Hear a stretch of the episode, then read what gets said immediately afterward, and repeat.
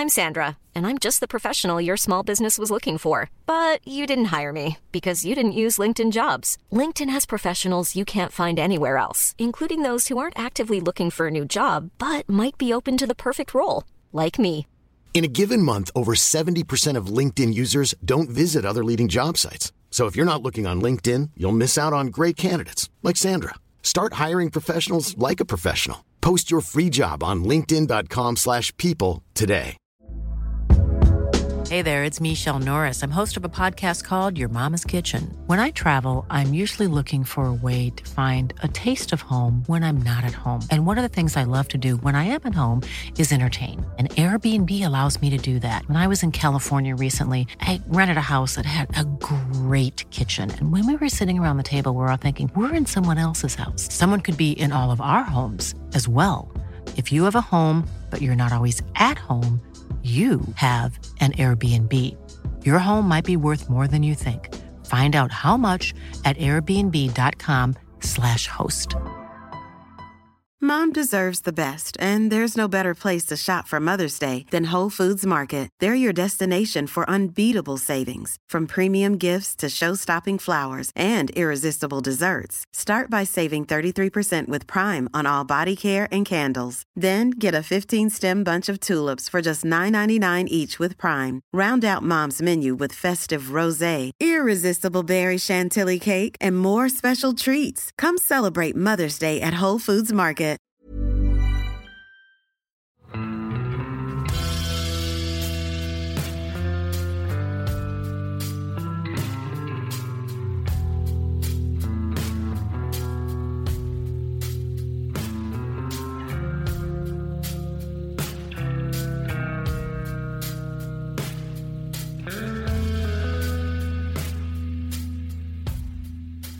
Hei, og velkommen til podkasten Uteliv. Mitt navn er Randulf Valle, og dagens episode tas opp i Oslo, men likevel i skogen. Solheimskogen. Solemskogen. Vi sitter innendørs og titter ut, eh, og gjesten i dag er Randi Skaug. Og Randi, du er jo Du har jo et vet ikke om du har visittkort, men hvis du hadde hatt visittkort, så hadde yrkestittelen vært eventyrer. Og når folk hører det, så i mitt fordomsfulle sinn, så tenker jeg at da tenker folk to ting. På den ene sida så må det være kult å være eventyrer, for da slipper du å jobbe. Og på den andre side så er det litt skummelt, fordi at eventyrere er stort sett ute i eh, mørke og kulde, og, eh, så er det litt skummelt. Eh, er det sånn, Randi? Det er iallfall mange som tror at det er sånn. Eh, skummelt. Det kommer veldig ofte opp. Eh, og så er det særlig mange unge, da. Som tenker at eh, en eventyrer er en som bare er sponsa og får masse penger og egentlig slipper å jobbe. Men det er ikke sånn. Det hadde vært veldig fint da, hvis man bare kunne sitte under et tre mellom hver gang man var på tur. Ja, for meg som liker å jobbe, så hadde det ikke vært fint i det hele tatt. Jeg liker jo best når jeg kan utføre noe. Eh, Og det passer bra med å være eventyrer, for det er ganske mye jobb. Men eh, ja, så vi skal ta en tilfeldig arbeidsdag for deg. da. Hva kan den eh, bestå i? Jeg har bare ulike arbeidsdager, så det er jo en av de tingene som jeg liker veldig godt. da. Det er ingen dager som er eh, like.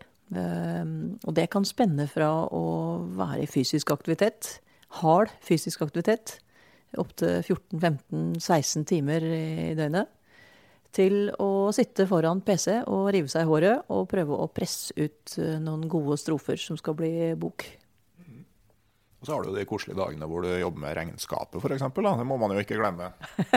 ja, det er jo å drive business dette her, da. Så um, det er jo, handler veldig mye om å få inntekter, på samme måte som andre som da har sin lønn.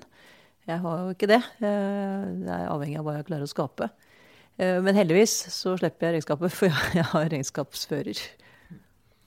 Det er jo kanskje sånn eh, min første anbefaling til enhver person som skal starte et eller annet for seg sjøl, enten man skal være eventyrer eller noe annet. da, Skaff deg en regnskapsfører du stoler på, og stell godt med en. Men, eh, men, hvis vi nå skal begynne med sånn karriererådgivning, hvordan, hvordan blir man eventyrer, Randi? Jeg kan jo ikke svare for hvordan andre blir eventyrer, men jeg kan jo svare litt for hvordan jeg ble eventyrer. Og det handla mm, i store trekk om å få en drøm veldig tidlig. Det høres litt sånn klisjéaktig ut. Eh, men drømmer styrer veldig mye av livet våre. Det er de bildene som vi får opp i huet av hva vi skal. Og de er veldig tydelige, og de er veldig klare. Eh, og hos meg så starta det egentlig med et radioprogram. Eh, nyhetssending. Hvor Altså, jeg var jo sånn 18-19 år, og vi sto inne på kjøkkenet hjemme på gården og hørte på nyhetene mens vi venta på mat. da, Det var i vårånda. Og vi tenkte egentlig ikke på så mye annet enn at vi var sultne, tror jeg. Og så kommer det da en nyhetssending som uh, forteller at Reinhold Messner, en tyroler, hadde vært på Everest uten oksygen. Dette var i 1978, i mai. Uh, og for oss som sto på kjøkkenet, så var dette galskap. Idioti. er det mulig? Går an? idiot sette ut seg sjøl og andre for sånn fare. Altså sånn, sånn blei diskusjonen. da. Og faren min han reiste seg opp, han var ikke svær mann, men han syntes veldig godt. Og så bare slo han ut med arma og nærmest skreik 'hva i helvete skal folk oppå der og gjøre'? Eh, og da starta egentlig min eh, eventyrkarriere. Men 26 år før jeg faktisk gjorde noe. For det gikk 26 år fra det tidspunktet. Men, men det som jeg husker som sånn veldig, veldig sterk, et veldig sterkt bilde oppi huet, da, det var det derre høyeste fjellet. Verdens høyeste fjell. Tenk noe så kult. Tenk å klare det. Er det Altså, tenk, tenk, å få til det, da. Og jeg var nok eh, som jentunge veldig mestringsopptatt. Jeg var opptatt av å klare. Og jeg tror det har sammenheng med at faren min eh, bestandig sa at du klarer det, vet du. Du klarer det. Det klarer du. Ja, det klarer du, vet du. Ja, du klarer det. Og sånn holdt han på, da. Og det gjorde nok noe med mitt lille sinn. Og det er veldig godt å ha med seg som eventyrer. Akkurat det der med å mestre. For det er det som man må, da. Eh, ikke hver dag, ikke hele tida. Det er ikke mørkt og kaldt og farlig hele tida. Men det er de der avgjørende sekundene, minuttene, timene, dagene hvor det er nødvendig å ruste seg og, og liksom stå på litt ekstra. Eh, og den egenskapen fikk jeg nok litt med meg i morsmelka. Så jeg, jeg, tror det begynte veldig tidlig. Eh, jeg tror ikke noen hjemme hadde sett for seg at jeg skulle bli eventyrer. De hadde sett for seg at jeg skulle bli alt mulig annet. Men de la forholda veldig godt til rette, da. For hjemme på gården var det sånn at alle, absolutt alle, gjorde de oppgavene som de klarte. Og det var ikke noe, var ikke noe altså, kjønnsforskjell. Altså, jeg har aldri vært feminist, for jeg har ikke vokst opp med det. Var du stor nok til å tørke bak kua, så gjorde du det. Er du stor nok til å kjøre traktor, så gjorde du det. Du gjorde de tinga som du var stor nok til å klare. Og eh, hvis det var sånn der du vokste opp som der jeg vokste opp i Gausdal, så var man ganske tidlig stor nok til å kjøre traktor hvis man kom fra gård? ja. Jeg tror, jeg tror, altså Første gangen jeg kjørte bil, så var jeg seks år. uh, og første gangen jeg kjørte traktor, så tror jeg jeg var åtte. Det krevde litt mer, for det var tyngre pedaler og lenger opp til rattet. Uh, og første gang jeg kjørte lastebil, så var jeg 15. Dette må du ikke ta på radio. det gjorde vi akkurat, Randi. ja. Det var en annen tid. Det gikk an. Ja, Og det foreldelsesfristen er vel gått ut for ganske lenge siden? Jeg tipper det. Men uh, du sa du var sånn røftlig 18 da du hørte om uh, Reinhold Messner. Og altså, I og med at det tok 26 år før du kom på toppen, så kan det vel slutte at du sprang ut til vei og kjøpte isøks og stegjern og begynte akklimatiseringa med en gang. Altså, Det var en vei for å komme dit. Altså, kan du si noe Altså, er det gitt at du ville endt der uansett, eller er det på en måte ting i livet som har gjort at du endte på den veien? For at, altså, du, du, du, tok jo en helt annen, du tok jo en utdannelse og begynte en ganske vanlig karriere først, ikke sant? Ja, jeg, jeg er jo litt ordentlig av meg. Så eh, jeg var bare sånn innskytningsvis, Det er òg en veldig god egenskap hvis man skal være eventyrer eller naturfotograf eller drive sånne ting på egen hånd. Altså Det å være litt ordentlig av seg, det er kanskje ett karrieretips som eh, trumfer det aller meste. Ja, jeg, jeg, tror nok at det er veldig lurt. Og det var jo en av de tinga jeg lærte hjemme, da, at du skulle gjøre ting ordentlig. Eh, og jeg gikk rundt med en oppfatning faktisk ganske lenge. At eh, folk gjorde sitt beste hele tida. Og jeg var noen og 20 år, da var jeg IT-sjef i VG og fant ut at det fantes folk som ikke gjorde sitt beste hele tida. Folk som sneik seg unna. Og jeg blei kjempeskuffa, for mitt uh, virkelighetsbilde var at alle gjorde sitt beste.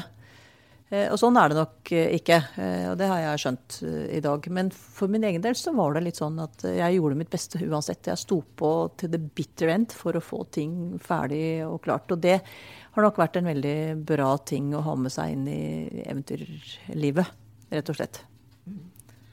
Men sånn fra, fra da IT-sjef i VG og til eventyrer, altså sånn, hvordan var veien derimellom?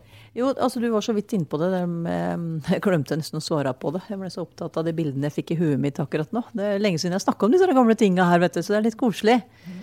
Uh, men det, når jeg var yngre, så var jeg veldig opptatt av å planlegge alt veldig detaljert. Uh, og trodde også veldig lenge at det var det som førte til suksessen. Men mens jeg har skjønt uh, litt underveis og litt i ettertid at det også evne å gripe muligheter, det er kanskje det avgjørende. For det, det er mange tilfeldigheter i livet. Uh, og jeg tror vel kanskje ikke at jeg hadde blitt eventyrer sånn uansett. Jeg hadde egentlig tenkt å bli bonde, Ja. Det var det jeg skulle bli. Uh, så skjønte jeg på et tidspunkt at uh, ja, ikke hadde jeg gård, da, broren min som hadde odel. og ikke hadde jeg penger, så fikk jeg ikke kjøpt meg noe heller. Og hvis jeg skulle gifte meg til en gård, så ville jeg ikke bli bonde, jeg ville bli bondekjerring. så jeg skjønte på et eller annet tidspunkt at det der var ikke veien å gå. Så endte jeg opp med å mm, ta siviløkonomutdannelse. Og det var også litt sånn tilfeldig.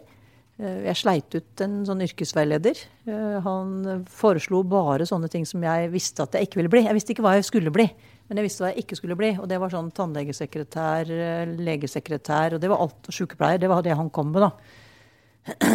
Og etter mange, mange møter med den yrkesveilederen, så sier han til slutt at ja, vi har jo noen sånn økonomi-administrative studier, da. Og så hva er det? Hva kan du bli da? Nei, da kan du bli sjef, sier han. Ja, da tar jeg det. uh, og jeg tror det lå mer åpenbart. Uh, jeg ville bestemme. Jeg ville stå på egne bein. Det har ligget i meg hele tida. Uh, men så var det én ting til da, ved siden av, og som gikk på at jeg skjønte veldig godt at jeg likte å være ute. Jeg likte det som ligger i å være tett på naturen, det og den mestringa som ligger der, de naturopplevelsene som ligger der. Eh, men det lot seg liksom ikke helt forene da, eh, med et liv hvor man skal ha inntekter og overleve. Så jeg klarte, det tok meg liksom 20 år minst å finne ut at det faktisk gikk an å leve av det jeg hadde i huet og det jeg hadde i beina. Eh, men da jeg først skjønte det, da, da ga det gass. Ja, og Hvor langt har vi på en måte kommet på tidsaksen da?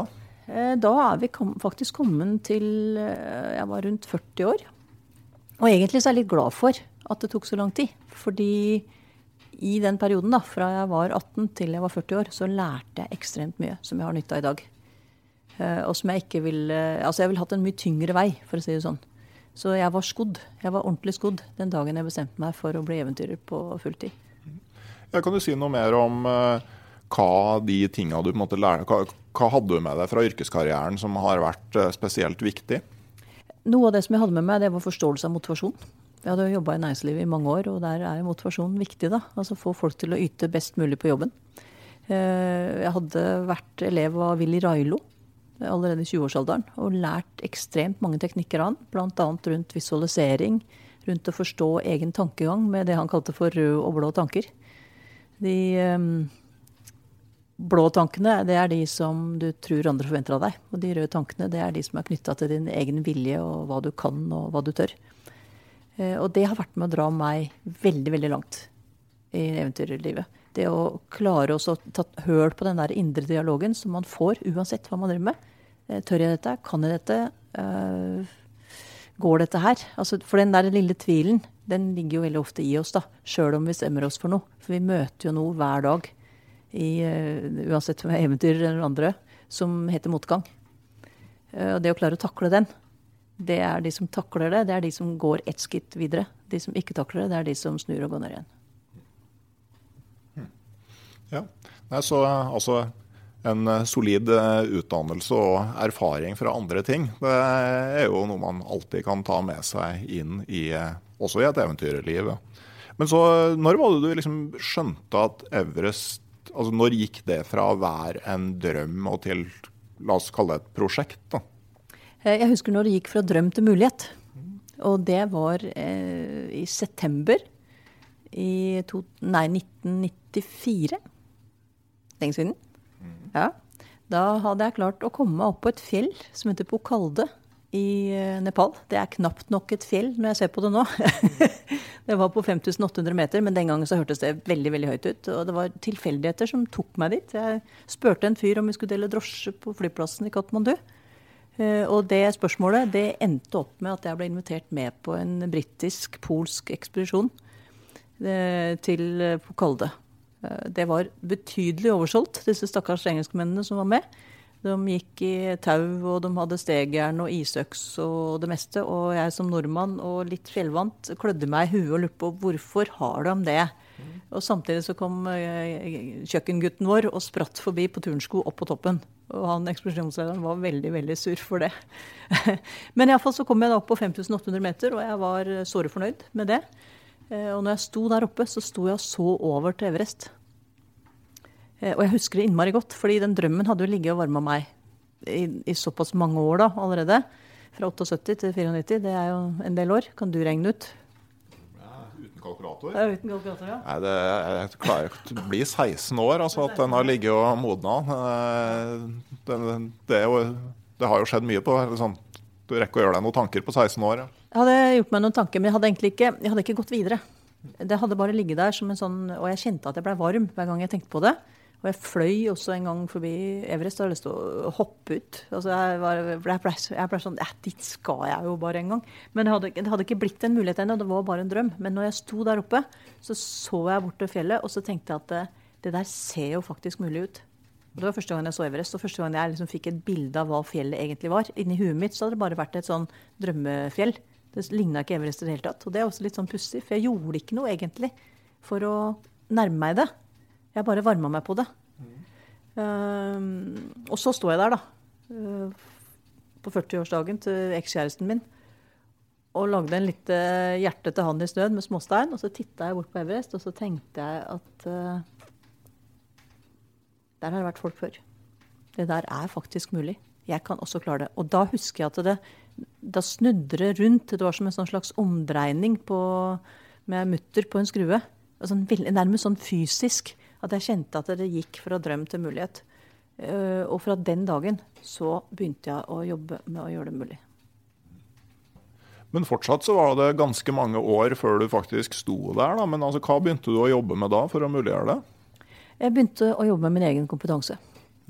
Jeg kunne egentlig ingenting som hadde med fjell å gjøre. Jeg hadde, I min oppvekst så var det bare bønder og, og lastebilsjåfører, egentlig. Faren min drev et transportfirma, og det handla om å jobbe, det handla om å skape noe i den hverdagen som vi var i. Jeg hadde ingen å se opp til, jeg hadde ingen å lære av i fjellmiljøet. Eh, jeg hadde gått en del på fjellturer i Rondane, Trollheimen, Jotunheimen, nede i daler. For det var det som var greit. Å gå på fjell, det var egentlig ikke så greit. Eh, det var på en måte litt av holdningen i det området jeg kom fra. Så jeg skulle da begynne å gjøre noe som uh, egentlig ikke var akseptert. Uh, og der kommer veldig sånn uh, farlig, mørkt og kaldt. Det var holdningen rundt meg. Så jeg sa ingenting til noen om at jeg tenkte meg på Everest. Men inni huet mitt så begynte det å forme seg en idé om at dit måtte jeg. Og jeg skjønte at det var veldig mye jeg måtte lære. Jeg måtte lære meg høyde.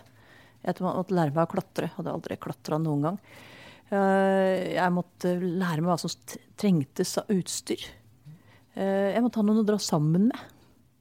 Eh, for jeg tenkte da er vi sterkere hvis vi er flere. Så, så det, var, det, var, ganske langt fram. Og jeg sto der uten noe. Null.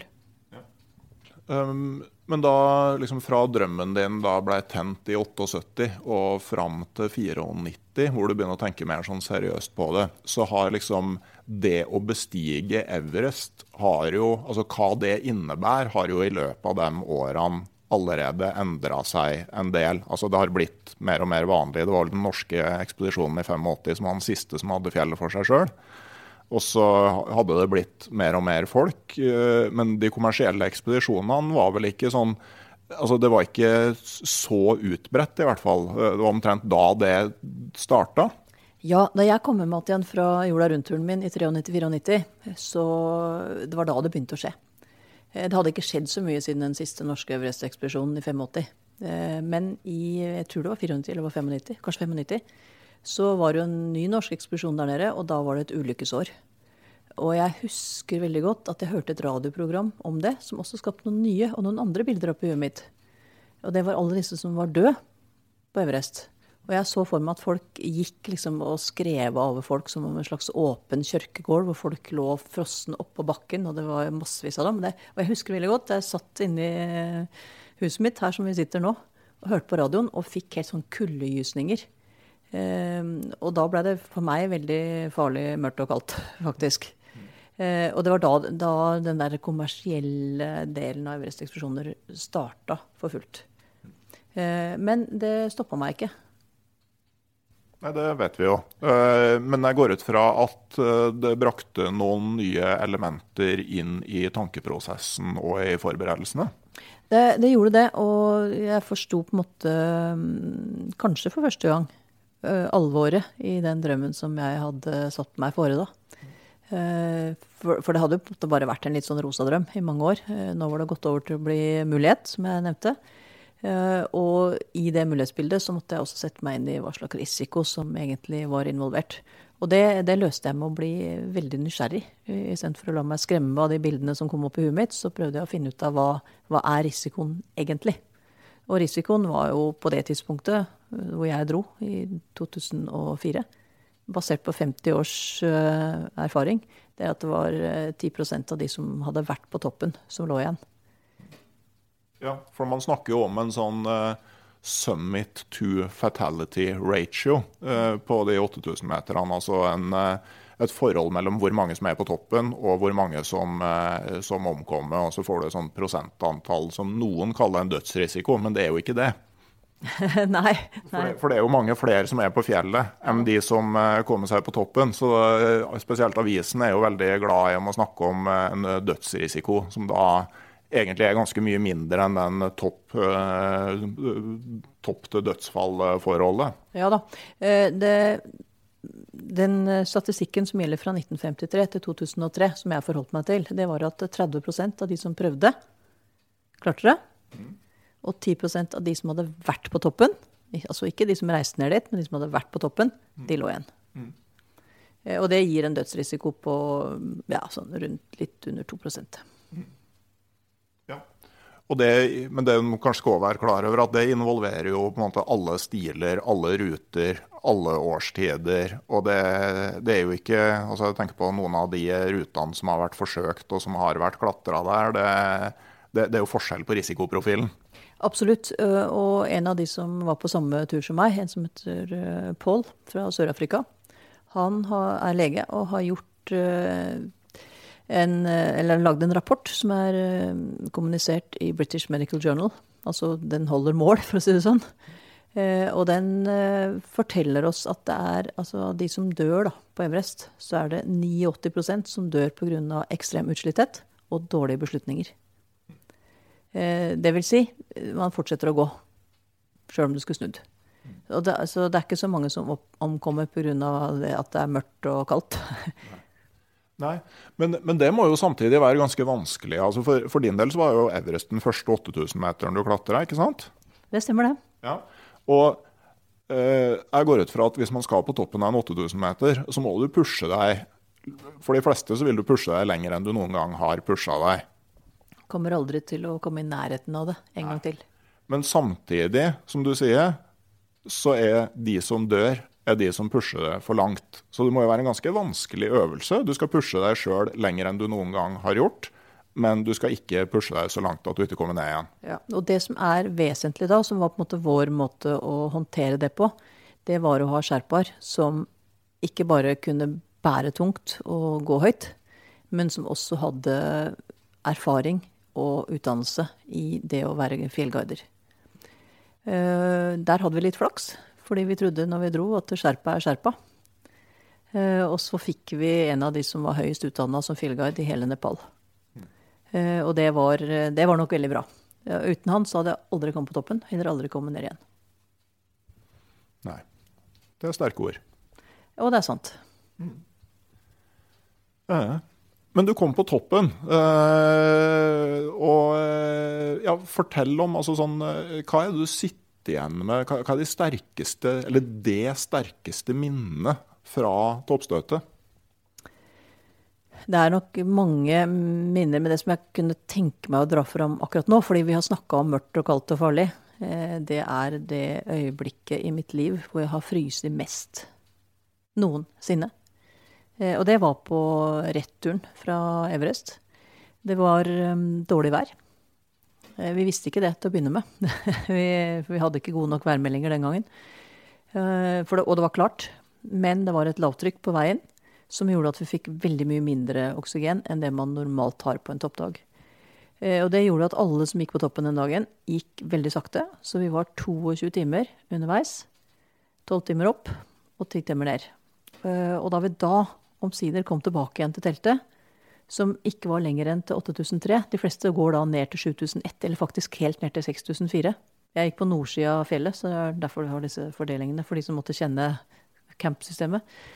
Uh, vi kom bare til 8003. Fordi det var så utrolig tynn luft, da. Og da går det mye saktere. Uh, og når vi kom tilbake igjen dit, så var vi tre stykker som delte én sovepose. Det var Sering, som var hovedfjellguiden vår, og Yamshang, som var nummer to og meg. Og jeg lå ytterst øh, og sleit litt med at jeg øh, lurte veldig på hvordan det hadde gått med høyrebeinet mitt, for det fryser på tærne hele tida. Og jeg hadde gått sånn og krøka tærne hele veien i 22 timer. Og var naturlig nok litt spent på om dette her hadde holdt mål eller ikke.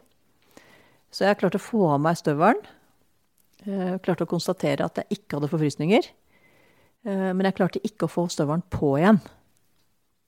Det evna jeg ikke. Eh, og så lå jeg nå der, da, med den ene foten i med bare en Jeg hadde en islandsk vått, men islandsk gull er jo veldig god. Så jeg hadde den på beinet, da. Eh, og jeg tenkte at jeg må få på den støvelen, ellers så kommer jeg til å få fryse nå. Og det var jævlig kaldt inni det teltet. Uh, Veit ikke, men det var helt sikkert et eller annet sted mellom minus 30 og minus 50. Det var grisekaldt. Og så klarer jeg å gjøre et sånn ordentlig rykk å komme meg opp. Og du skulle tro det var lett å reise opp, men det var det ikke der. Uh, ordentlig rykk. Kom meg opp og klarer å få på en ny tørr sokk. Og får beinet ned i støvelen og legger meg ned igjen. Og da er jeg selvfølgelig helt ferdig, sovner. Og så våkner jeg etter ganske kort tid at jeg ligger og hopper av frost. Og jeg frøs så jævlig at hele kroppen min rista. Og jeg tenkte at hvis jeg ligger her og fryser lenger nå, så kommer jeg faktisk til å fryse i hjel. Eh, dette er farlig. Eh, og jeg hadde ingen krefter. Jeg var bare helt Jeg var fullstendig ferdig. Men uh, i kroppen vår så fins det alltid ekstra krefter. Alltid. Du har en liten rest som du kan bruke et kort øyeblikk. Som en katt som fanger ei mus, liksom. Du, den derre lille, lille der, der har du. Så jeg hoppa mellom de to sherpaene og sier 'jeg fryser'. Jeg må ligge her litt, vi kan bytte. Og så kom jeg mellom de to og får kroppsvarmen fra de to. Og det jeg husker da jeg sovna da, jeg var så glad for at jeg hadde klart å gjøre den der lille innsatsen. Og det var jævlig godt. Men samtidig, da, når du er tilbake fra toppstøtet og fortsatt er på 8300 meter over havet, du er jo ikke tilbake i trygghet da? Jeg visste jeg ville godt. Eh, og jeg visste at jeg måtte helt ned. Men jeg trengte også å sove. Jeg trengte å få hvile. Vi hadde vært underveis veldig lenge. Og jeg hadde drukket en halvliter med vann og spist en sjokolade. Det var egentlig det jeg hadde fått i meg. Men så lå det en klok mann ved siden av meg, da, og det var Sering. Eh, da vi kom ned, så skulle vi egentlig få varmt vann og te og yamcha. Men han hadde blitt snøblind. Han hadde stått for lenge uten solbriller. Var uerfaren og hadde da skada seg. Eh, så han hadde ikke orka å lage te fordi han ikke så. Eh, så vi hviler da en par timer eller et eller annet, jeg veit ikke riktig hvor lenge, men det er en stund. Og så våkner jeg da at det plutselig er kaldt foran kroppen, og da var det Sering som hadde reist seg opp i sittende. Og så spør jeg hva gjør du? I make tea. Eh, jeg liker ikke te, men akkurat da så hadde jeg veldig lyst på te. Noe som var varmt. Og så jeg meg, satte jeg meg opp, jeg òg, og så la jeg meg oppå ryggen hans. Og varma både han og meg. Og jeg visste at nå får vi varmt te. Og jeg visste at eh, vi, han tar vare på både meg og Yamchang. Um, og så husker jeg ikke noe mer før jeg våkner noe seinere, og det tok veldig lang tid før jeg huska det, faktisk. Hjernen min hadde mer enn nok å fordøye, så jeg huska ikke turen fra 8003 og før til 7009 før uti juli. Dette var i mai. Ja. Nei, det er vel ikke, ikke altså, Far din kan jo ha hatt et lite poeng, da, med Og i helvete skal det med det å gjøre? Ja, og han har jo det. Han har jo det. Han hadde helt rett. Det er ingen som har noe på det å gjøre. Eh, og det er eh, farlig mørkt og kaldt, men ikke hele tida. Eh, Jepp. Nå har vi snakka mye om Everest, det er jo spennende. Men når man har gjennomført noe som da i en del år har vært en litt sånn diffus drøm, som kanskje ikke hadde trengt å bli gjennomført, og så i ganske mange år har vært et tydelig prosjekt, og så kommer man hjem og har gjort det. Hvordan føler man seg da? Eh, jeg fikk jo det spørsmålet hele tida. Hva skal du nå, Randi? Det som har gått så høyt som det går an å komme. Og jeg, jeg, skjønte faktisk ikke det spørsmålet, for det gikk, det gikk, flere år før jeg skjønte det. Eh, for jeg fortsatte, på en måte. Jeg fortsatte på noe som heter Seven Summits. Det høyeste fjellet på hvert kontinent. Eh, men greia var jo at jeg hadde jo tatt det vanskeligste fjellet ganske tidlig. Det var det tredje av sju. Eh, og det blei jo på en måte enklere og enklere. Og så plutselig så opplever jeg en sånn tomhet. Eh, og som jeg veit mange har snakka om, eh, og som jeg ikke helt Jeg skjønte det ikke helt, men jeg opplevde en tomhet. Og den tomheten, den gikk på å ha mening, da. Å drive med noe som gir mening. Man snakker så mye om lykke og sånn. Lykke er egentlig veldig flatt. Men mening, det er jo det som gjør at du har lyst til å stå opp om morgenen. Og det dukka opp um, på det sjuende fjellet. Vi skulle til Antarktis. Da um, var det ei dansk jente som var med på den turen, som sier på en sånn trening vi hadde oppe i Ostedalen hvor vi, vi sitter, altså Det er mygg og fluer i øyer og ører overalt, og det, er, det regner og det er tåke, og er, altså, maten ligger og flyter i tallerkenen, og alt, det har vært kuler og tråkka ned telta våre om dagen. Alt var egentlig bare dritt. da. Og så sier hun da at tenk så heldige vi er. Hun tenker på noe annet. Hun hadde et helt annet perspektiv på det. Hun tenkte på hvor heldige vi var som kunne gå fritt overalt og gjøre akkurat som vi vil. Det er jo ikke en selvfølge for alle i denne verden. Og da mm, blei det en diskusjon som førte til at vi mm, bestemte oss for å samle inn penger til minerydding i Afghanistan. Som en del av vårt prosjekt. Og da fikk det prosjektet plutselig mening. Eh, og da skjønte jeg hva mening var. Det er altså å jobbe for noe større enn seg sjøl. Ikke bare drive med sine egne ting. Og det har jeg gjort ganske mye av, og det var jo det jeg begynte å bli trøtt av. Og så bare kara til mer eh, mestring for meg sjøl. Det ga ikke så stor mening. Og kanskje også fordi at jeg hadde, gjort det kanskje tøffeste jeg noen gang kommer til å gjøre. Og det var ikke noe annet som kom opp imot det. Altså, det her er jo noe du har drevet med. altså sånn eh, det, det prosjektet med minerydding, altså er det fortsatt pågående, eller eh, er det andre ting du driver med sånn sett nå? Nei, det, altså det prosjektet holdt på i ganske mange år. Eh, vi klarte ikke å samle inn så mye penger som vi hadde tenkt når vi skulle til Antarktis, men jeg tenkte at faen heller, dette er jo bare å gå ett og ett skritt videre, så klarer vi å få til den halvannen millionen kroner som var planen at vi skulle hente inn. Og jeg holdt på i flere år. Eh, det ble liksom 600 000, 700 000, 800 000, og så begynte jeg å få en sånn jævlig dårlig følelse i magen. Ehm, og det hadde sammenheng med at eh, jeg skjønte at en del av de penga som ble samla inn, og som jeg samla inn Altså det var jeg som gjorde det sjøl, det var mine penger, de havna hos Taliban. Mm. Eh, og de lovte å la være å skyte mineryddere hvis de bare fikk penger. Og jeg tenkte det vil ikke jeg være med på. Jeg jobber ikke fredagskvelder og søndagskvelder med å holde veldedige foredrag for sanitetskvinner og hva det nå het for noe alle sammen, for at det skal havne i hender hvor det ikke skal. Eh, så jeg begynte å få en sånn dårlig følelse i magen. På, og det handler jo da også om at meninga di ikke er på plass, da. Så jeg mm, tenkte meg om og lurte på hva kan jeg gjøre isteden. Livet er kort. Det er ikke så lenge jeg er her. Jeg har lyst til å gjøre det best mulig ut av det, og jeg har lyst til å være til nytte. Eh, så ble Malala skutt. Og da skjedde det noe med meg. Jeg skjønte plutselig hva det er som er viktig for meg, og det er fred. Fred er vakkert. Eh, at alle folk har det bra. Eh, og jeg skjønte at det som truer freden, det er jo mangel på innsikt og utdannelse. Så da slutta jeg med min rydding, sjøl om det er veldig bra å gjøre. Eh, og jeg hadde behov for å gi noe tilbake til båtefolket, som Sering er en del av. Båtefolket er et minoritetsgruppe i Nepal. Alle har hørt om sherpa, det er ikke så mange som har hørt om båte. Jeg hadde lyst til å gi noe tilbake til dem, for det, det er jo på grunn av den innsatsen som Sering og Yamshang gjorde, at jeg lever det livet jeg lever. Så da starta jeg et utdanningsprosjekt i Nepal i 2012 som heter Why. Det står for World's Next Heroes Are Still Young. Eh, det står også for det engelske ordet hvorfor, som er det kraftigste ordet vi har. Når vi spør oss hvorfor, så får vi gode svar. Eh, og da vridde jeg innsatsen inn der. Og nå har jeg akkurat vært i Nepal og hilst på en av de unga som får utdannelse. Eller to av dem. Og det var ganske, ganske tøft, da. Når den ene sier at Jeg spør liksom, hva har du tenkt å bli? Jeg skal bli pilot. Og hun andre, åtte år da, skulle bli lege. Og jeg veit hvor vanskelig det er å få til. Og jeg veit hvor mange som ikke sier 'det klart du klarer det'. Alle sier 'nei, det kan du ikke'.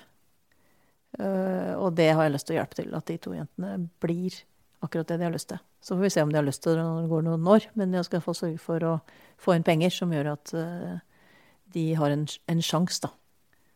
Det er ikke så mange vi hjelper, men de vi hjelper, de, det betyr noe for. Den eh, første leden, eh, legen i båtfolket er nå utdanna. Hatt den som eh, støtteperson. Jeg har vært hans støtteperson i seks år. Og han er ferdig nå å få papirene sine neste år. Og det er jævlig kult. Det gir mening. Det kan man jo være enig i.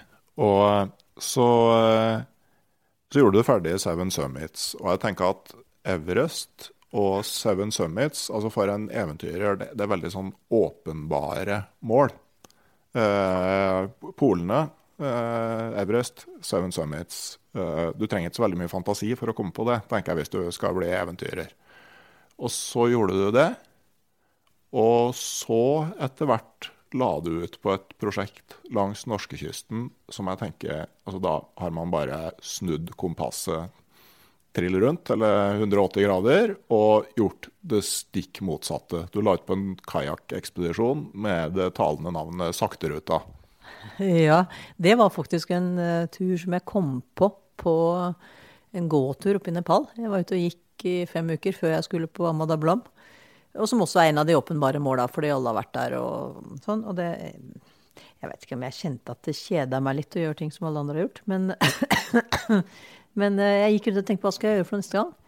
Og så kom jeg på at eh, nei, det er jo en ting jeg har drømt om i mange år, som ikke har ligget sånn helt framerst i panna, men det er jo å padle kysten. Eh, jeg hadde padla noen år, men ikke sånn spesielt god padler.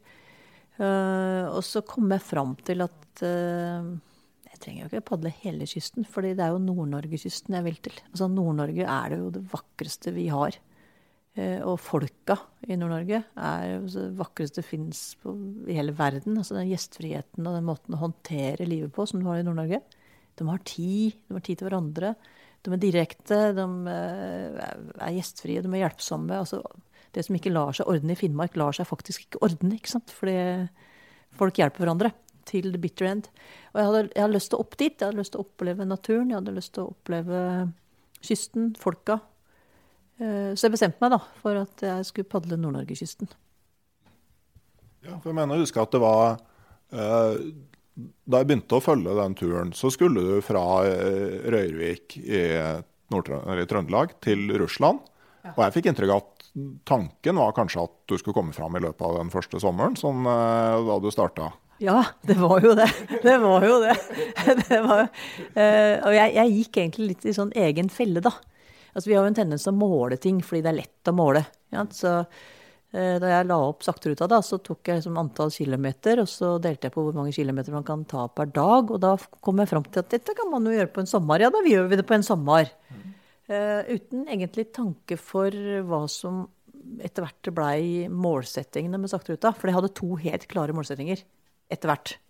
Ikke til å begynne med, men etter hvert så hadde det det. Og som ikke hadde noe med kilometer å gjøre. Eh, og de målsettingene var punkt én komme hel og helt hjem igjen. Som alltid har vært et målsetting på mine ekspedisjoner. Eh, og det andre, det var å gjøre hver dag til en jævlig god dag. det er mye vanskeligere enn å padle en gitt distanse i løpet av en sommer.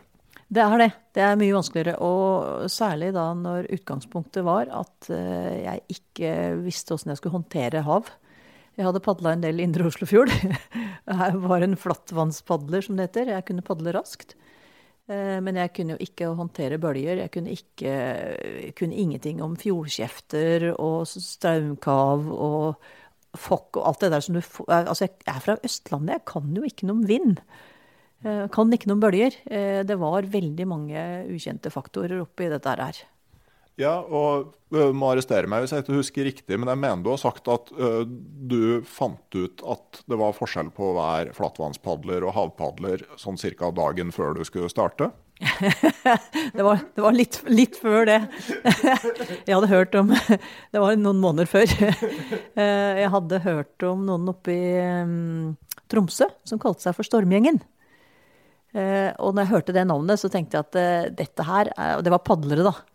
Og de var ute og hadde sånn onsdagspadling. Da hadde jeg lest et flyblad, tror jeg det var. Og jeg tenkte at de der, de drar jo ikke ut på havet før det altså ryker av havet, da. Og det er minst kuling, liksom. Og så tok jeg kontakt med dem og spurte om jeg kunne få bli med en gang hvor de skulle ut og padle likevel. Måtte ikke lage noe spesielt for meg, måtte bare bli med en gang de allikevel skulle ut. Og så ringer de tilbake igjen og sier at ja, ja, den og den dagen i februar så kunne vi dra ut i lag, da. Og det viste at dette hadde de jo ordna fordi jeg kom. Og jeg begynte veldig fort å mistenke at nå skal de tøffe seg, fordi at jeg er den eneste som har vært på Everest av oss.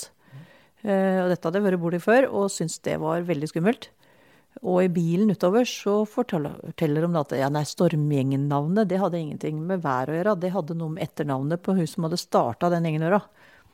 Og da blei jeg faktisk veldig redd. Og det holdt på å ende skikkelig gærent. Eh, en av de som var med, hun gikk rundt og ble padla på land av kjæresten sin. Det var et dritvær av en annen verden. Det var kuling, det var faktisk mange kuldegrader og kuling, og snø. Eh, og ja. Nei, det var, en, det var en tur med veldig mye læring. Så jeg klarte å padle over sammen med en annen som var en ganske sterk og rask padler, over til ei annen øy. Vi skulle bruke 20 minutter, brukte halvannen time. Eh, fordi det var så dårlig vær. Og når vi kom over, så var alle de andre borte. Eh, hva er det man sier? At uh, god dømmekraft kommer med erfaring, og erfaring er ofte et resultat av dårlig dømmekraft? ja, litt sånn.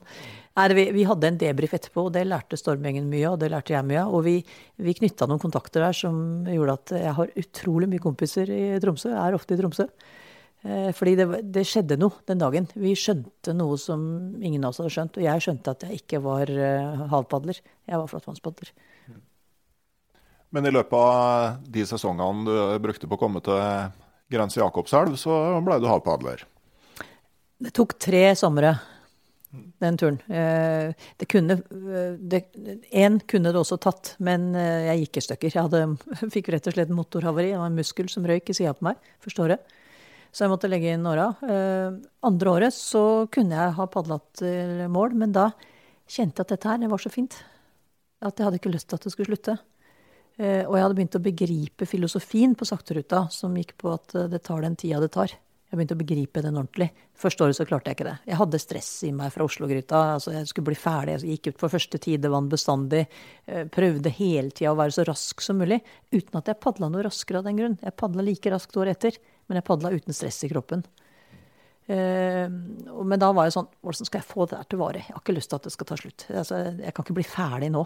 Det, uh, og dette var jo da en motsats av det jeg driver med før, hvor hele tida alt har handla om å bli fort ferdig. Og nå hadde jeg ikke lyst til å bli ferdig. Jeg hadde lyst til at det skulle vare. Og da skjønte jeg at det er én måte å få dette til å vare på, og det er å spare. Så da satte jeg en siste stykket til året etter. Eh, og det er jeg kjempeglad for. Og da jeg kom fram til Grense Jakobselv, så husker jeg at jeg liksom satte armene i været, og så tenkte jeg nå er jeg havpadler. Og det, og det kjentes liksom sånn helt riktig. Og da var jeg ett med kajakken, og da hadde jeg padla liksom tremeters bølger med brytende uh, topper. Uh, og det var greit. Det var liksom Kom, bølge, skal vi danse? Ja, og den siste biten av Øst-Finnmark, altså da er det ikke veldig mye beskyttelse å få når du skal begynne å runde Varangerhalvøya og de områdene der. Nei da, du er kjent der oppe, og jeg husker du sendte meg en velment råd Det går an å gå på innersida av Kinnarodden. Eh, vi gjorde ikke det. Vi gikk på utsida. Og vi hadde noen ordentlig basketak ute i fjorden der. Det varte 20 minutter, og så var det over. Og så var det sånn Oi, skal vi ta den en gang til, eller? Det var gøy. For nå, jeg, nå kunne jeg det jo. Eh, og det er forskjellen. Når jeg starta, så kunne jeg det ikke. Eh, etter to sesonger så kunne jeg det. Eh, men eh, padling, altså sånn kulingspadling, det er ferskvare. Så hvis jeg skal ut i kuling nå, så, så vil jeg nok eh, trenge en del støttetak, tror jeg. Men det skal ikke så veldig mye til for å komme seg opp igjen i samme leia, da. Men en liten digresjon. altså Det med at det er så lett å henge seg opp i det som er målbart, f.eks. kilometer. Jeg har jo en unge som har begynt på skolen. Og der er man jo etter hvert blitt veldig glad i å måle ting. Og der tenker jeg òg det at da er det veldig lett at man fokuserer på de tingene som er enkelt å måle. For det er jo enkelt å måle om ungene kan å regne og kan å skrive. Men hvordan måler du f.eks. kreativitet, som er en av de aller viktigste egenskapene, tenker jeg, i samfunnet framover? Altså, det er et tankekors. Ja, er, vi har en tendens til å måle alt som er lett å måle. På sakteruta så hadde jeg også holdt på å gå i den samme fella, da. Så jeg hadde egentlig tenkt å lage en sånn Eller hadde en blogg, da. Og så skulle jeg lage en sånn logg som viste liksom Da kommer jeg dit, og så, kom, så kan du tegne et kart ikke sant, med løypa på. Det har jo alle eventyrere. Uh, og så hadde jeg ikke fått gjort dette ferdig da, før jeg dro. Uh, og den andre dagen så skjer det noe. Uh, og det, dette er et, et, et, et vendepunkt i min hverdag, faktisk. Eh, jeg padler da sammen med en som heter Otto Inge Molvær. En fantastisk fyr fra Vestlandet som var tidligere marinelege. Han var 73 år på det tidspunktet. Og han hadde hatt ei første uke sjøl. Så når jeg spurte om han ville være med meg litt, så sier han ja, det kunne han. Og han ble med første uka. Og var på en måte min mentor da, på den turen. Og så er vi da der andre dagen, og jeg hører plutselig sånn dunk, dunk, dunk, dunk bak oss. Og jeg hadde lest ei bok som heter 'Rowing to Latitude'. En amerikansk dame som har rodd i alle arktiske strøk. Gubben hennes padler kajakk, så de på en måte ser hverandre mens de, de sitter hver sin vei. Og hun klagde da på norskekysten om at det var så for det første veldig mye bosetting. Det likte jeg ikke at hun klagde på, for jeg syns det skal være det. Eh, og det andre var at det var altfor mye båter. Og det kunne jeg ikke helt skjønne, men hun hadde noe å skrive det, og det hadde satt seg som festa seg inni bakhuet mitt. da. Så når jeg hørte den der lyden, så tenkte jeg faen, her kommer en båt. Først, liksom, andre dagen vi er ute og padler. Dette her er ikke bra. Og så snur jeg meg, og ser at det kommer en svær, blå båt. Gedenius heter den. Jeg husker jo til og med navnet. Jeg er ikke så god på å huske navn. jeg husker det, og det var liksom sånn, Den var så svær. Og så sier jeg til Otto at Otto, må du, vi må flytte oss, det kommer en båt. Og kjente han ikke så innmari godt. Og han var jo voksen, da, så jeg tenkte kanskje han hadde dauert, for han reagerte ikke i det hele tatt. Så jeg ropte Otto! Vi må, vi må, flytte oss! Det kommer en båt. Så ser man han, han snur seg sånn sakte over skuldra, og så padler han sånn rolig ut. Jeg tenkte sånn er det mulig å være så rolig når den der båten kommer helt opp i nakkeåra på Så den lyden var sånn dunk, dunk, dunk, helt opp i nakken. Jeg bare kjente at nå Vi ble kjørt ned andre dagen.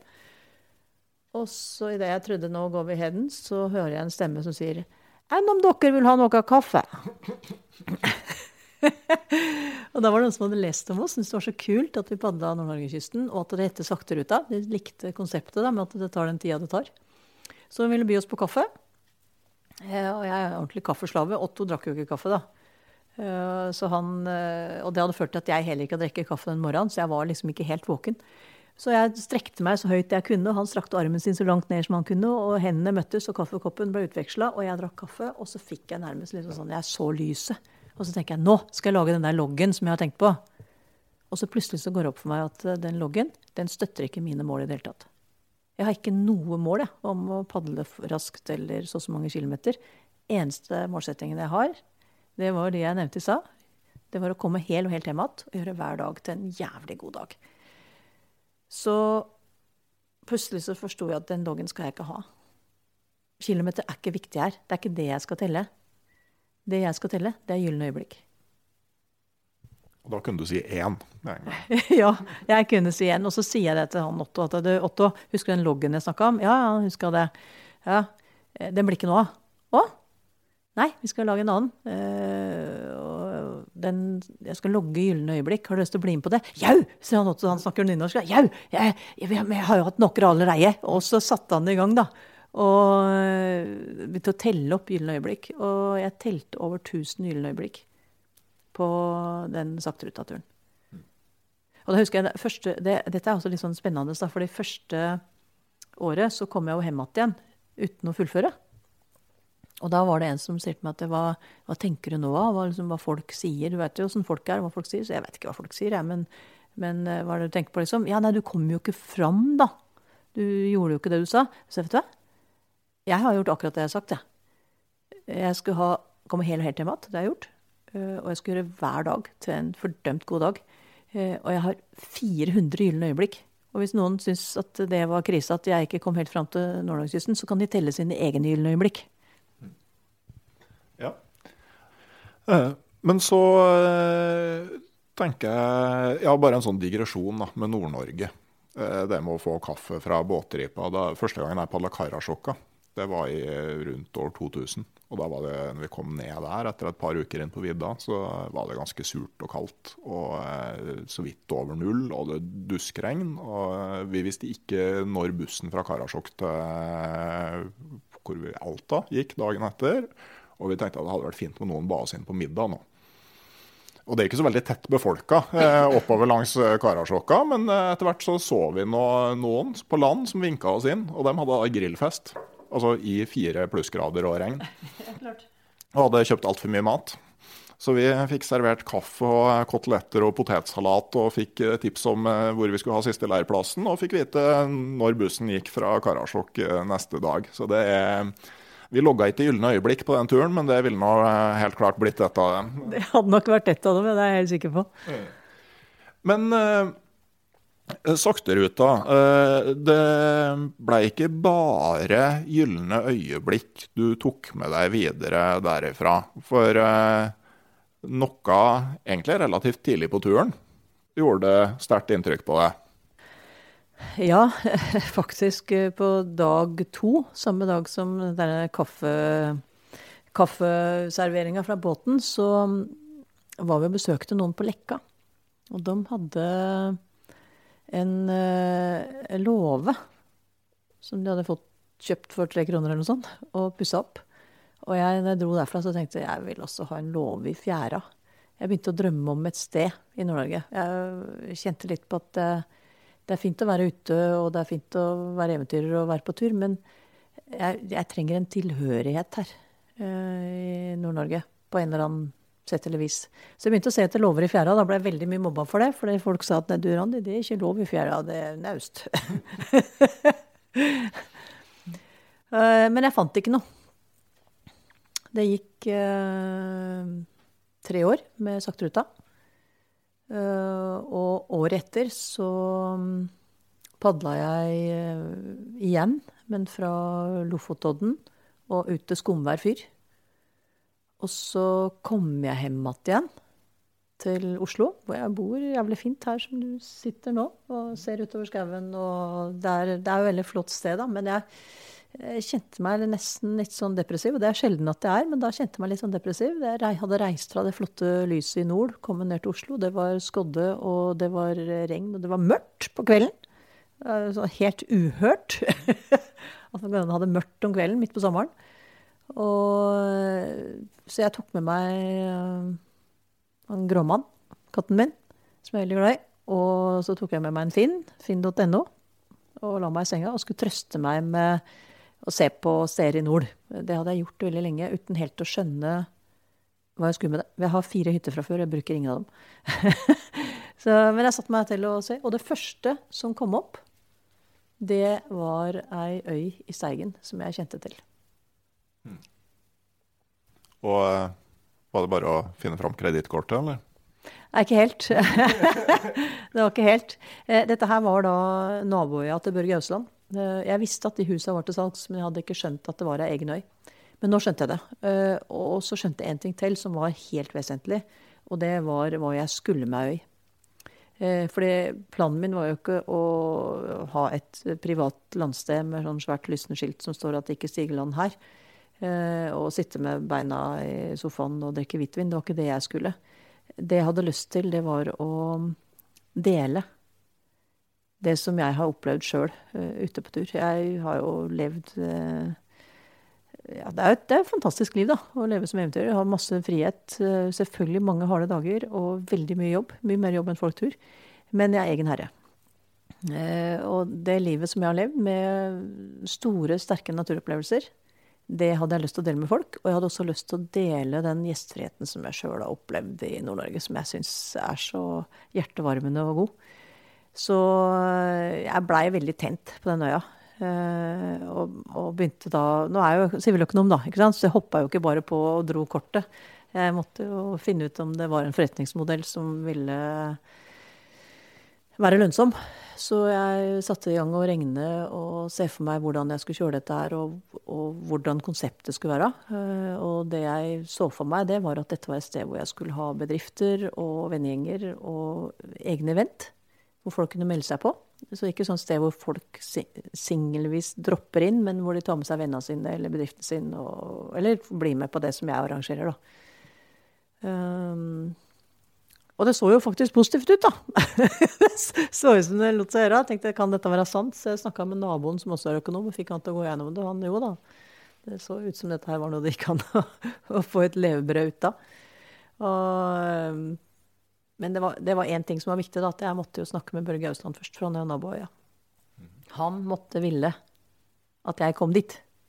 Så jeg kunne ikke ringe Børge, for jeg kjenner Børge ganske godt. Og jeg vet at han vil da spørre hva vi skal møte om. Eh, og da vil det jo sprekke. Jeg vil se ansiktet hans. Så kom det da etter et par måneder, og jeg tok det helt med ro. Jeg var faktisk veldig iskald på dette. her. Jeg var sikker på at øya ble mi hvis jeg ville. Eh, så jeg venta litt, da. Så kom det en invitasjon til Norsk-kinesisk handelskammer, og der har jeg ingenting som helst å gjøre. Men fyren som inviterte meg, han sier da i setning to at Børge Ausland kommer også. Ja, jeg kommer, sier jeg. Og så gikk jeg rett bort til Børge, så han inn i øya og spør om øya er solgt. Og han sier at nei, den er ikke solgt. Er du sikker? Ja, han var sikker. Kjenner du han som har den? Ja, han kjenner den. Kan du ringe den? Ja, han kunne ringe den. Men så er før du ringer, og ikke si at jeg er interessert, men før du ringer, så må du tenke over om du syns det er ålreit at jeg kommer og driver med det samme som deg på naboøya di.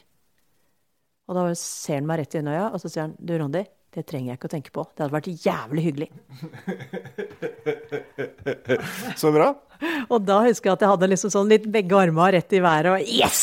Nå har jeg Det er det som skal til for at jeg kan gjøre det. Og så gikk jeg i forhandlinger, og så, og så blei øya mi.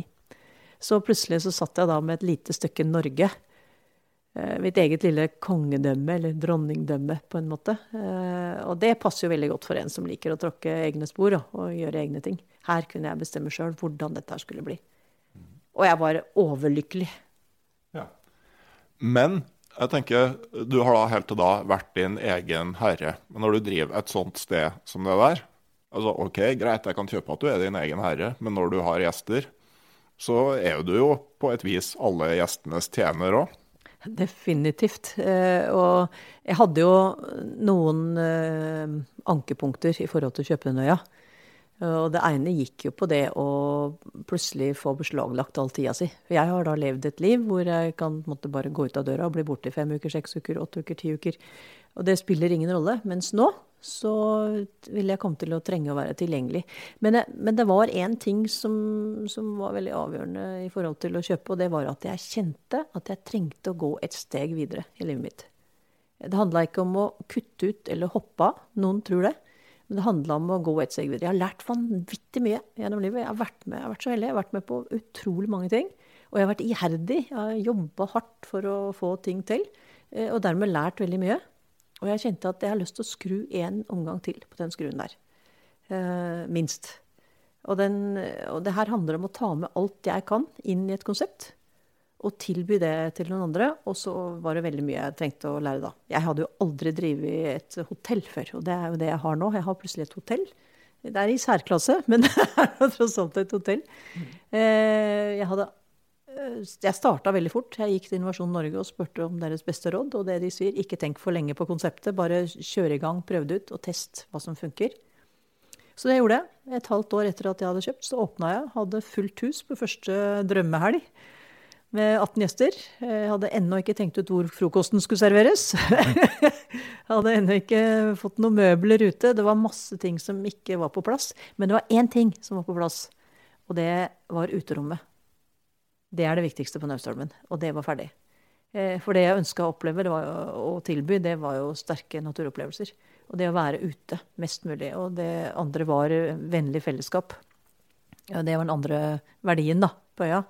Og det tenkte jeg, det klarer vi, uavhengig av møbler eller hva det måtte være. Det er ikke det som er viktig her. Det som er viktig her, det er å være i lag, og det å gjøre ting sammen. Og det funka. Vi fikk kjempetilbakemeldinger, vi som arrangerte den helga. Jeg hadde med ei dame som eh, hadde yogahelg fra Larvik. Politidame som heter Camilla. Og vi har kjørt ti sånne drømmehelger nå, og folk er superfornøyd. Uh, og jeg har spurt alle gjester som har kommet, om én ting som har vært bra, og én ting som kan forbedres. Og så har jeg forbedra alle de tinga som kan forbedres. Så nå er det ikke så mange forbedringer å få fra folk. Jeg burde jo så klart uh, gått inn på proff.no og gjort litt sånn her research på forhånd, men uh, beregningene dine som du gjorde i et regneark, altså går det rundt? Det kan du spørre Dagens Næringsliv om. Ok. Ja. Ja, har, har, de nettopp kjørt en sak om det? Nei, de har nominert NauStormen, Naustholmen, Adventure Island, til gasellebedrift. Aha. Og det er veldig kult. Ja, Kan du gjenta kriteriene for en gasellebedrift? Er en bedrift som ekspanderer ganske fort, ikke sant?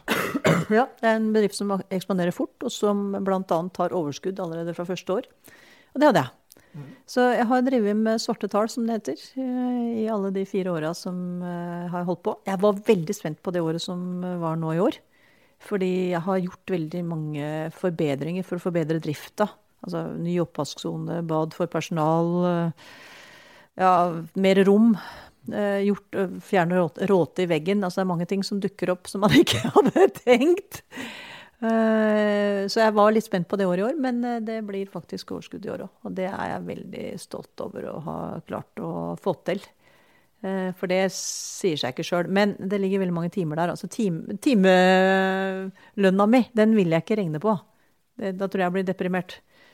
Det er, etter det å skaffe seg regnskapsfører, så er det kanskje det andre gode økonomitipset for eh, både eventyrer og andre som realiserer en drøm. Ikke regn på timelønna. Nei, og, det, og den timelønna Altså tilbake igjen til det det er lett å måle, da. Det er lett å måle den. Men, men så sa du i stad litt om hvordan kan man måle kreativitet, f.eks. Eh, på Naustholmen så måler jeg jo i form av bredt smil, da. Mm. Og den sommeren som var i år, i 2019, er faktisk den beste sommeren i mitt liv. Og jeg har jo hatt en del av dem. Ja, det, det er jo også, og, det, og, det, er jo på en måte fint det der med eh, viljen til å endre seg av og til. At, for man kan være veldig komfortabel der man er, eller man kan tvert imot altså faktisk ikke være spesielt komfortabel. Og så går det an å gjøre en vri, større eller mindre, og så komme ut med noe som var bedre enn det man hadde. Ja, og det har jeg klart. Det er ikke blitt noe mindre jobb, men jeg var ikke ute etter mindre jobb heller. Jeg liker å jobbe, jeg syns det er moro å få til ting. Eh, og jeg måler eh, veldig mye av min egen eh, kan jeg kalle det vellykkethet da, i det jeg gjør. I form av at det gløder i øya på folk. Det, det, er viktig for meg. Jeg liker å gjøre folk glad. Og mange har jo spurt meg som har du alltid vært glad i å lage mat. Nei, jeg er egentlig ikke, fortsatt ikke noe særlig glad i å lage mat. Men det som driver meg, det er jo å se at folk blir fornøyd. At folk har det bra. Og hvis det er mat som skal til, så gjør vi det. Så nå skal jeg faktisk til og med lage kokebok. Ok. Hva skal den hete? Den skal hete 'Fifty Shades of Say'. ok. Er det en rein Say-kokebok, eller? Nei da, det skal bli en del av røverhistorier, og det skal også bli en del andre uh, røverretter fra Naustholmen. Uh, for folk liker maten der, og de får litt annerledes mat enn det de får andre steder. Jeg har jo vært mye rundt i verden. Jeg har vært i over 90 land, tror jeg. Eller 80-90 land. Eh, og lært litt og møtt litt folk. Og jeg bruker den inspirasjonen som jeg har fått fra overalt, til å servere mat fra fjellet, skauen og havet på øya. Buknafisk med stekt flesk og gulrotpuré med mye smør og ingefær i. Nå snakker vi. Men uh, det var da jeg flytta til Finnmark. Jeg prøvde å ta med og introdusere dem for rakfisk, eller råkåfisk som det heter der jeg kommer fra. Og det er klart, altså, Eh, på kysten. Man har aldri hatt noe behov for å servere eller for å konservere på mer eller mindre obskurt vis fisken. Altså du kunne tørke den eller du kunne stikke ut og fiske den, så der har de jo ingen tradisjon for. Og det var en forferdelig skeptisk gjeng. og Og en av turkompisene mine ble bedt om å eh, gi poeng, da. Så han, eh, han ga rakfisken en, eh, en, femmer, da. Men det var på en skala som gikk til 400. Ja, men, men, de har jo faktisk konservert en del fisk i Nord-Norge òg. De har jo tørrfisk, og de har buknafisk, og de har klippfisk. Og de har rødsei. Ja, og det er jo egentlig Den gammelsalta seien er jo litt det samme. Det er litt av det samme, og den, den holdt jo på å bli stoppa av Mattilsynet for noen år siden. Eller Mattilsynet prøvde, for å si det sånn. Den holdt ikke på, men de prøvde. Eh, men ble kraftig tilbakevist, fordi det fantes jo ikke bakterier i det. Det er så mye salt i den at det går ikke an å bli bakterier oppi der. Men den, den eldste gammelsalta seien som man kjenner til er spist, er visst et eller annet sånt noe som 25 år, hvis jeg husker rett. Uh, og den er, det er rett og slett sånn grovrenska fisk som blir kasta opp i ei rønne, og der ligger den i to år før du tør å røre den. Mm. Og så er den bare veldig god. Så det blir altså gammelsalta sei, eller uh, rødsei, det blir en del av kokeboka Fifty Shades of Say. Og så blir det en del andre kule retter, da. Mm, det høres veldig bra ut. Men sånn, bare for å fullføre det med rakfisken, så er det jo liksom åpenbart at uh, i Innlandet så har salt vært en dyr handelsvare. Og så har man eksperimentert seg fram til hvor lite salt man kan bruke når man lander saltfisk. Og så har man til slutt funnet ut det, da. Og så tenker jeg og så lukta det ille, men man hadde jo ikke noe annet. Og så i løpet av en butt så blir du jo sikkert vant til smaken og tenker at det her må vi lage neste år òg. Ja, jeg tror det er litt sånn. Er litt sånn. Men nå hører jeg at det ringer bort hos meg. Kan ikke jeg bare ta den veldig ja, kort? det kan jeg. OK. Rakfisk eh, stoppa vi altså på uh, her. Uh, men vi har jo blitt, fått høre litt om hva du driver med på Naustholmen. Altså, hvor finner man mer info om Naustholmen, forresten? Naustholmen har vi prøvd å gjemme godt, da, så det er ikke så lett å finne det. Men det er jo egentlig bare å søke på Naustholmen. Mm. Eller naustholmen.com. Så er plutselig eh, øyeriket i Nordland åpent. Men eh, jeg tenker på med, eh, med sakteruta og det å eh, lage sitt eget eventyr i stedet for på en måte å gjøre noe som står eh, litt sånn ferdigtenkt foran deg. Altså, det er jo noe som måte, for begge oss er eh, noe som står vårt hjerte nær, tror jeg. Altså, det er både for egen del å tråkke egne stier, men òg kanskje litt det derre oppfordre folk til å ta en tur utafor eh, guideboka? Ja, det har blitt viktigere og viktigere for meg, egentlig. Uh, å ikke gå på alle de fjella hvor alle andre går. Jeg, jeg syns det er godt å komme litt vekk fra den stien der alle er. Uh, og finne veien sjøl, da. Ikke nødvendigvis lese seg til det i ei guidebok, men så kom seg ut, da. Og så se hvor, hvor er, hva er det beste stivalget her. Hvordan kommer jeg dit jeg har tenkt å komme, og hvor kommer jeg hvis jeg går her? Det kan være like, like spennende. Så. så nå er jeg faktisk akkurat tilbake igjen fra en fjelltur i Nepal. Okay. Jeg har vært øh, og Jeg har vært en måned i Nepal. Øh, deler av tida brukte jeg i et område hvor øh, det var mye folk. Rett og slett fordi det var liksom greit å bruke tehus og sånn under akklimatisering. Men hovedmålsettinga med den turen det var jo å gå på et uklatra fjell. Hvor langt ned i høyde må du for å finne uklatra fjell i dag? Ja, det... Noe 7000 meter som er bestiget? Ja, det er 7000 meter, og det er også 6000 meter. Eh, jo lavere de blir, jo vanskeligere er de, for å si det sånn. Ehm, dette her var et uh, utrolig kult prosjekt. Jeg hadde med meg Eirik Skjønning, som er guide på øya hos meg. Fantastisk eh, flott ung fyr på 25 år. Hadde aldri vært i Nepal før, så det var litt sånn spennende å se hvordan han håndterte uh, høyde. da.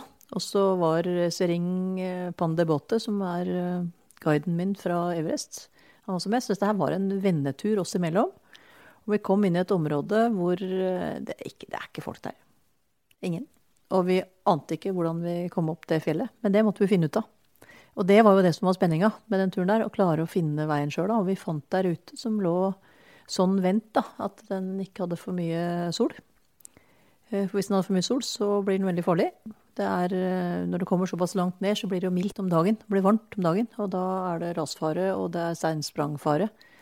Og vi lå og hørte på fjellet en par dager før vi tok sjansen på å gå inn i det området. Eh, for vi vil venne oss til lyder, vi vil venne oss til å lære fjellet å kjenne, da. Forstå det. Eh, og det var, det var, litt sånn spennende. Så til tider så var det litt sånn lyder som om man var i en krigssone, for det ramla så fælt. Men etter hvert så vi, begynte vi å kjenne det og begynte å bli komfortable med det. Og så fant vi da ei rute som var god nok innenfor de risikorammer som vi var villige til å akseptere. Og vi kom ikke helt opp, fordi det var faktisk for farlig med de sikringsmidler som vi hadde, å gå det siste stykket. Eh, men den derre mestringsfølelsen da, som ligger i det, og den derre oppdager eh, ja, La meg kalle det identiteten som ligger i det. Den turen som vi hadde sammen, kommer jo ingen av oss til å glemme noen gang. Når vi var på den toppen sammen. Det kommer vi aldri til å glemme. Fordi det, vi, vi, vi, lærte så mange nye ting. Vi hadde så mange gode møter oss imellom om hvordan vi skulle takle det. Eh, og det var, det var, ikke noe vi kunne lese noe sted. Det var ikke noe sted vi kunne finne svar. Vi måtte bare inn og leite etter de svara i naturen. Og det var, eh, det var, en veldig god opplevelse, altså. Mm. Ja, og det der er jo Man trenger jo da ikke dra til Nepal for å lage seg sånne prosjekter som det her. Altså både på f.eks. med å koble sammen topper og breer i Norge. For egen del så er det en sånn tur som står veldig fram. Det var da jeg og Hilde, som jeg er gift med, vi fant ut vi skulle padle Karasjokka helt fra der den starter, som da er på grensa til Finland.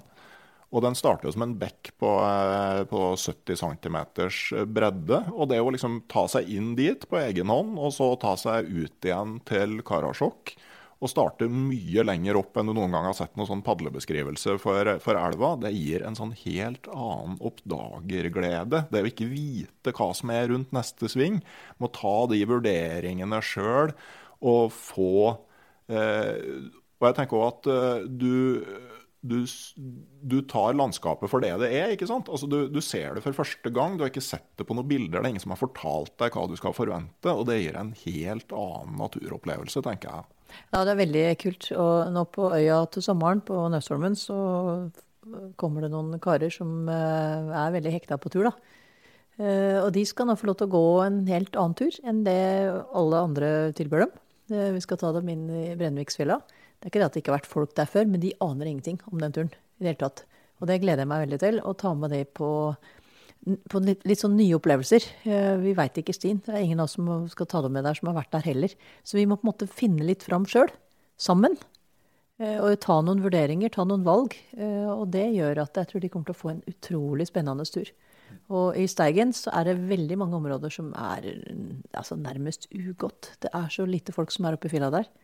Så for ett år siden, eller det er kanskje halvannet nå, så da var det noe som heter Camp Ausland på naboøya. Uh, og i forkant for det så kom det en unge folk over til meg. Det er en del sånne unge som har funnet ut at Naustholmen er liksom reiret deres, da. Vi kalte det for Randi and Kidsa-festivalen.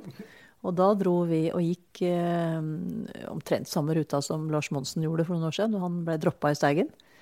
Og det også er en sånn rute hvor egentlig ingen går. Uh, og det å finne veien der altså Vi måtte ta masse vurderinger sammen og gjøre det i lag. Og når vi kom ned da, altså vi var jo så lykkelige. For det, det her gir et sånn tilleggsperspektiv, det å tråkke egne spor. Som, eh, som, ikke kommer ved å lese seg fram til på en bruksanvisning hvordan du skal gjøre det. Men det å faktisk eh, vurdere terrenget, se, ser det ålreit ut, har vi lyst til å gå der? Er det framkommelig? Er det trygt? Altså gjør de der vurderingene. Det gjør at du får en mye større opplevelse enn om du går på uh, tråkka sti. Mm. Og eh, jeg har jo tenkt litt, altså Det vi i Norge kaller eventyrere, det blir jo ofte oversatt til explorer på engelsk. Og jeg har jo tenkt at det er jo en litt sånn tåpelig tittel, for med mindre du begynner langt under havflata eh, eller ute i verdensrommet, så er det ikke noe mye igjen å eksplore. Altså, for det blir mer som en utforsker. Men hvis du tenker litt eh, nærmere, da, og nå singler det jo litt i glasshus, da, så er jo de fleste eventyrere er jo litt sjølsentrerte. Og, og hvis, du, eh, hvis du ser det fra den synsvinkelen, så kan du være explorer. For da handler det jo nettopp om å sette seg inn i sånne situasjoner som vi har snakka om nå, hvor du oppdager ting sjøl. Altså det kan være uoppdaga i Eller det, kan være, det er oppdaga for lenge sida i, i verdenssammenheng, men fra ditt perspektiv så er du på oppdagelsesferd når du drar ut i et område som du ikke veit noe om på forhånd. Ja, det er du faktisk. Og det tror jeg eh, vi alle har godt av å komme ut i. Eh, og det, altså, nå har jeg lyst til å dra inn hjernen. da. Jeg er veldig opptatt av hjernen, hvordan hjernen funker. Eh, og det som på en måte er det beste for hjernen, det er å gjøre nye ting. Noe du ikke har gjort før. Fordi da må hjernen gå nye spor. Hvis ikke så går den jo bare på repeat. Og da utvikler hjernen seg. Og når vi, hjernen utvikler seg, så får vi det bedre som mennesker. Så jeg tror det er lurt å gå noen nye spor innimellom. Er det derfor du har funnet fram igjen pianoet her i stua og begynt å spille gitar? ja, jeg begynte å spille gitar i går. Eh, jeg syns det er moro å lære seg nye ting. Eh, og nå om noen få dager så reiser jeg til Costa Rica for å lære meg harpunfiske. Jeg skal eh, begynne å Jeg har kjøpt meg drakt, da. Sånn våtdrakt. Og så skal jeg begynne å harpunfiske oppe i, i nord, i Steigen. Det tror jeg blir kjempekult.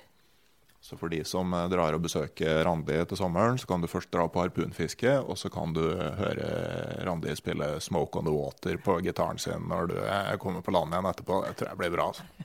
ja, jeg håper uh, innen sommeren er kommet at jeg kan spille litt mer enn 'Smoke on the Water'. Da kan du 'Stairway to Heaven' òg? Ja, kanskje. Jeg har fått ny gitar av Hans Petter i trang fødsel. Så det, jeg, jeg, tror det er en skikkelig bra gitar. Så må, det krever jo litt, da. Mm. Du vet uh, hva liksom de bandene Trang fødsel og Postgirobygg og sånn, hva den sjangeren ble kalt? Har ikke peiling. Den ble noe nedlatende kalt DH-rock. ja, i, i, Som distriktshøyskole? Ja. ja. Jeg har jo gått på DH, så det passer fint. det var vel Knut Skreiner fra Turboneger som, uh, som fant på det sjangernavnet. Vel, eh, det var kjempehyggelig å, eh, å treffes og prate med deg, Randi. Eh, jeg legger ut i episodeinfoen, så skal jeg klare å google meg fram til, til hvor man kan finne både Randi og Naustholmen på nett, sånn at dere finner det der. Så tenkte jeg å nevne at podkasten Uteliv har et samarbeid med Camp Villmark, Norges største villmarksmesse, som går på Norges varemesse fra 27. til 29. mars. Det er jo sikkert mange turfolk som lurer på hva i all verden man skal bruke ei helg, eller i hvert fall deler av ei vårhelg til inni en idrettshall. og det eller en messehall, og det, det, kan man jo så klart si. Men jeg tenker at eh, en gang i året så syns jeg det er hyggelig å dra dit og få litt sånn påfyll. Treffe litt folk, se litt nyheter. Og eh, den messa har de siste årene utvikla seg en del mer mot opplevelse, ikke bare en ren salgsmesse. Og har bl.a. hatt et veldig sterkt eh, foredragsprogram. Eh, Lars Monsen skal holde foredrag der i år, og flere blir nok sluppet etter hvert. Og jeg skal være der på et forfattertorg, hvor eh, diverse forfattere av turbøker står og prøver å selge sine åndsverk, som det heter på fint. Eh, da sier jeg bare tusen takk for at du stilte opp, Randi. Takk for at du kom. Hyggelig å se deg igjen. Ja, det var det absolutt. Satser på det ikke blir like lenge til neste gang.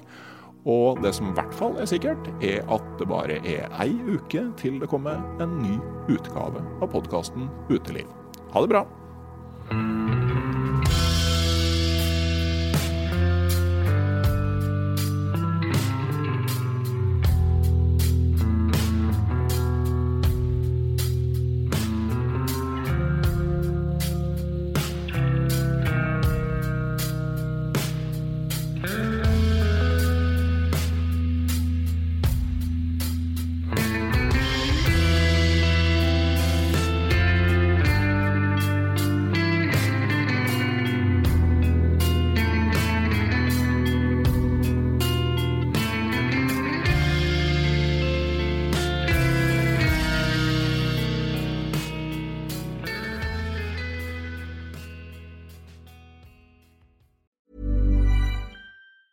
Planning for your next trip? Elevate your travel style with Quince. Quince has all the jet setting essentials you'll want for your next getaway, like European linen, premium luggage options, buttery soft Italian leather bags, and so much more. And it's all priced at 50 to 80% less than similar brands. Plus, Quince only works with factories that use safe and ethical manufacturing practices. Pack your bags with high-quality essentials you'll be wearing for vacations to come with Quince. Go to quince.com slash trip for free shipping and 365-day returns. Hi, I'm Daniel, founder of Pretty Litter. Did you know cats tend to hide symptoms of sickness and pain? I learned this the hard way after losing my cat, Gingy. So I created Pretty Litter, a health monitoring litter that helps detect early signs of illness by changing colors, saving you money and potentially your cat's life. Pretty Litter is veterinarian developed, and it's the easiest way to keep tabs on your fur baby's health right at home. Go to prettylitter.com and use code ACAST for 20% off your first order and a free cat toy. Terms and conditions apply. See site for details. Mom deserves the best, and there's no better place to shop for Mother's Day than Whole Foods Market. They're your destination for unbeatable savings, from premium gifts to show-stopping flowers and irresistible desserts. Start by saving 33% with Prime on all body care and candles. Then get a 15-stem bunch of tulips for just $9.99 each with Prime. Round out Mom's menu with festive rosé, irresistible berry chantilly cake, and more special treats. Come celebrate Mother's Day at Whole Foods Market.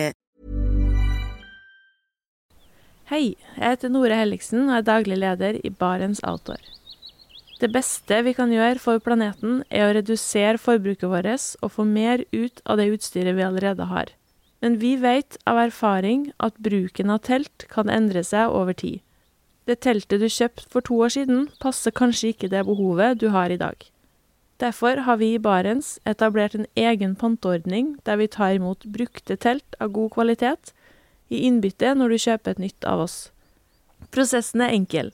På barentsoutdoor.no gir du oss informasjon om teltet du vil bytte inn. Basert på det får du et tilbud fra oss som gir deg rabatt på ditt neste Barents-produkt. Mer info og betingelser finner du på barentsoutdoor.no. Og husk at den første reparasjonen på produkter fra Barents er alltid gratis.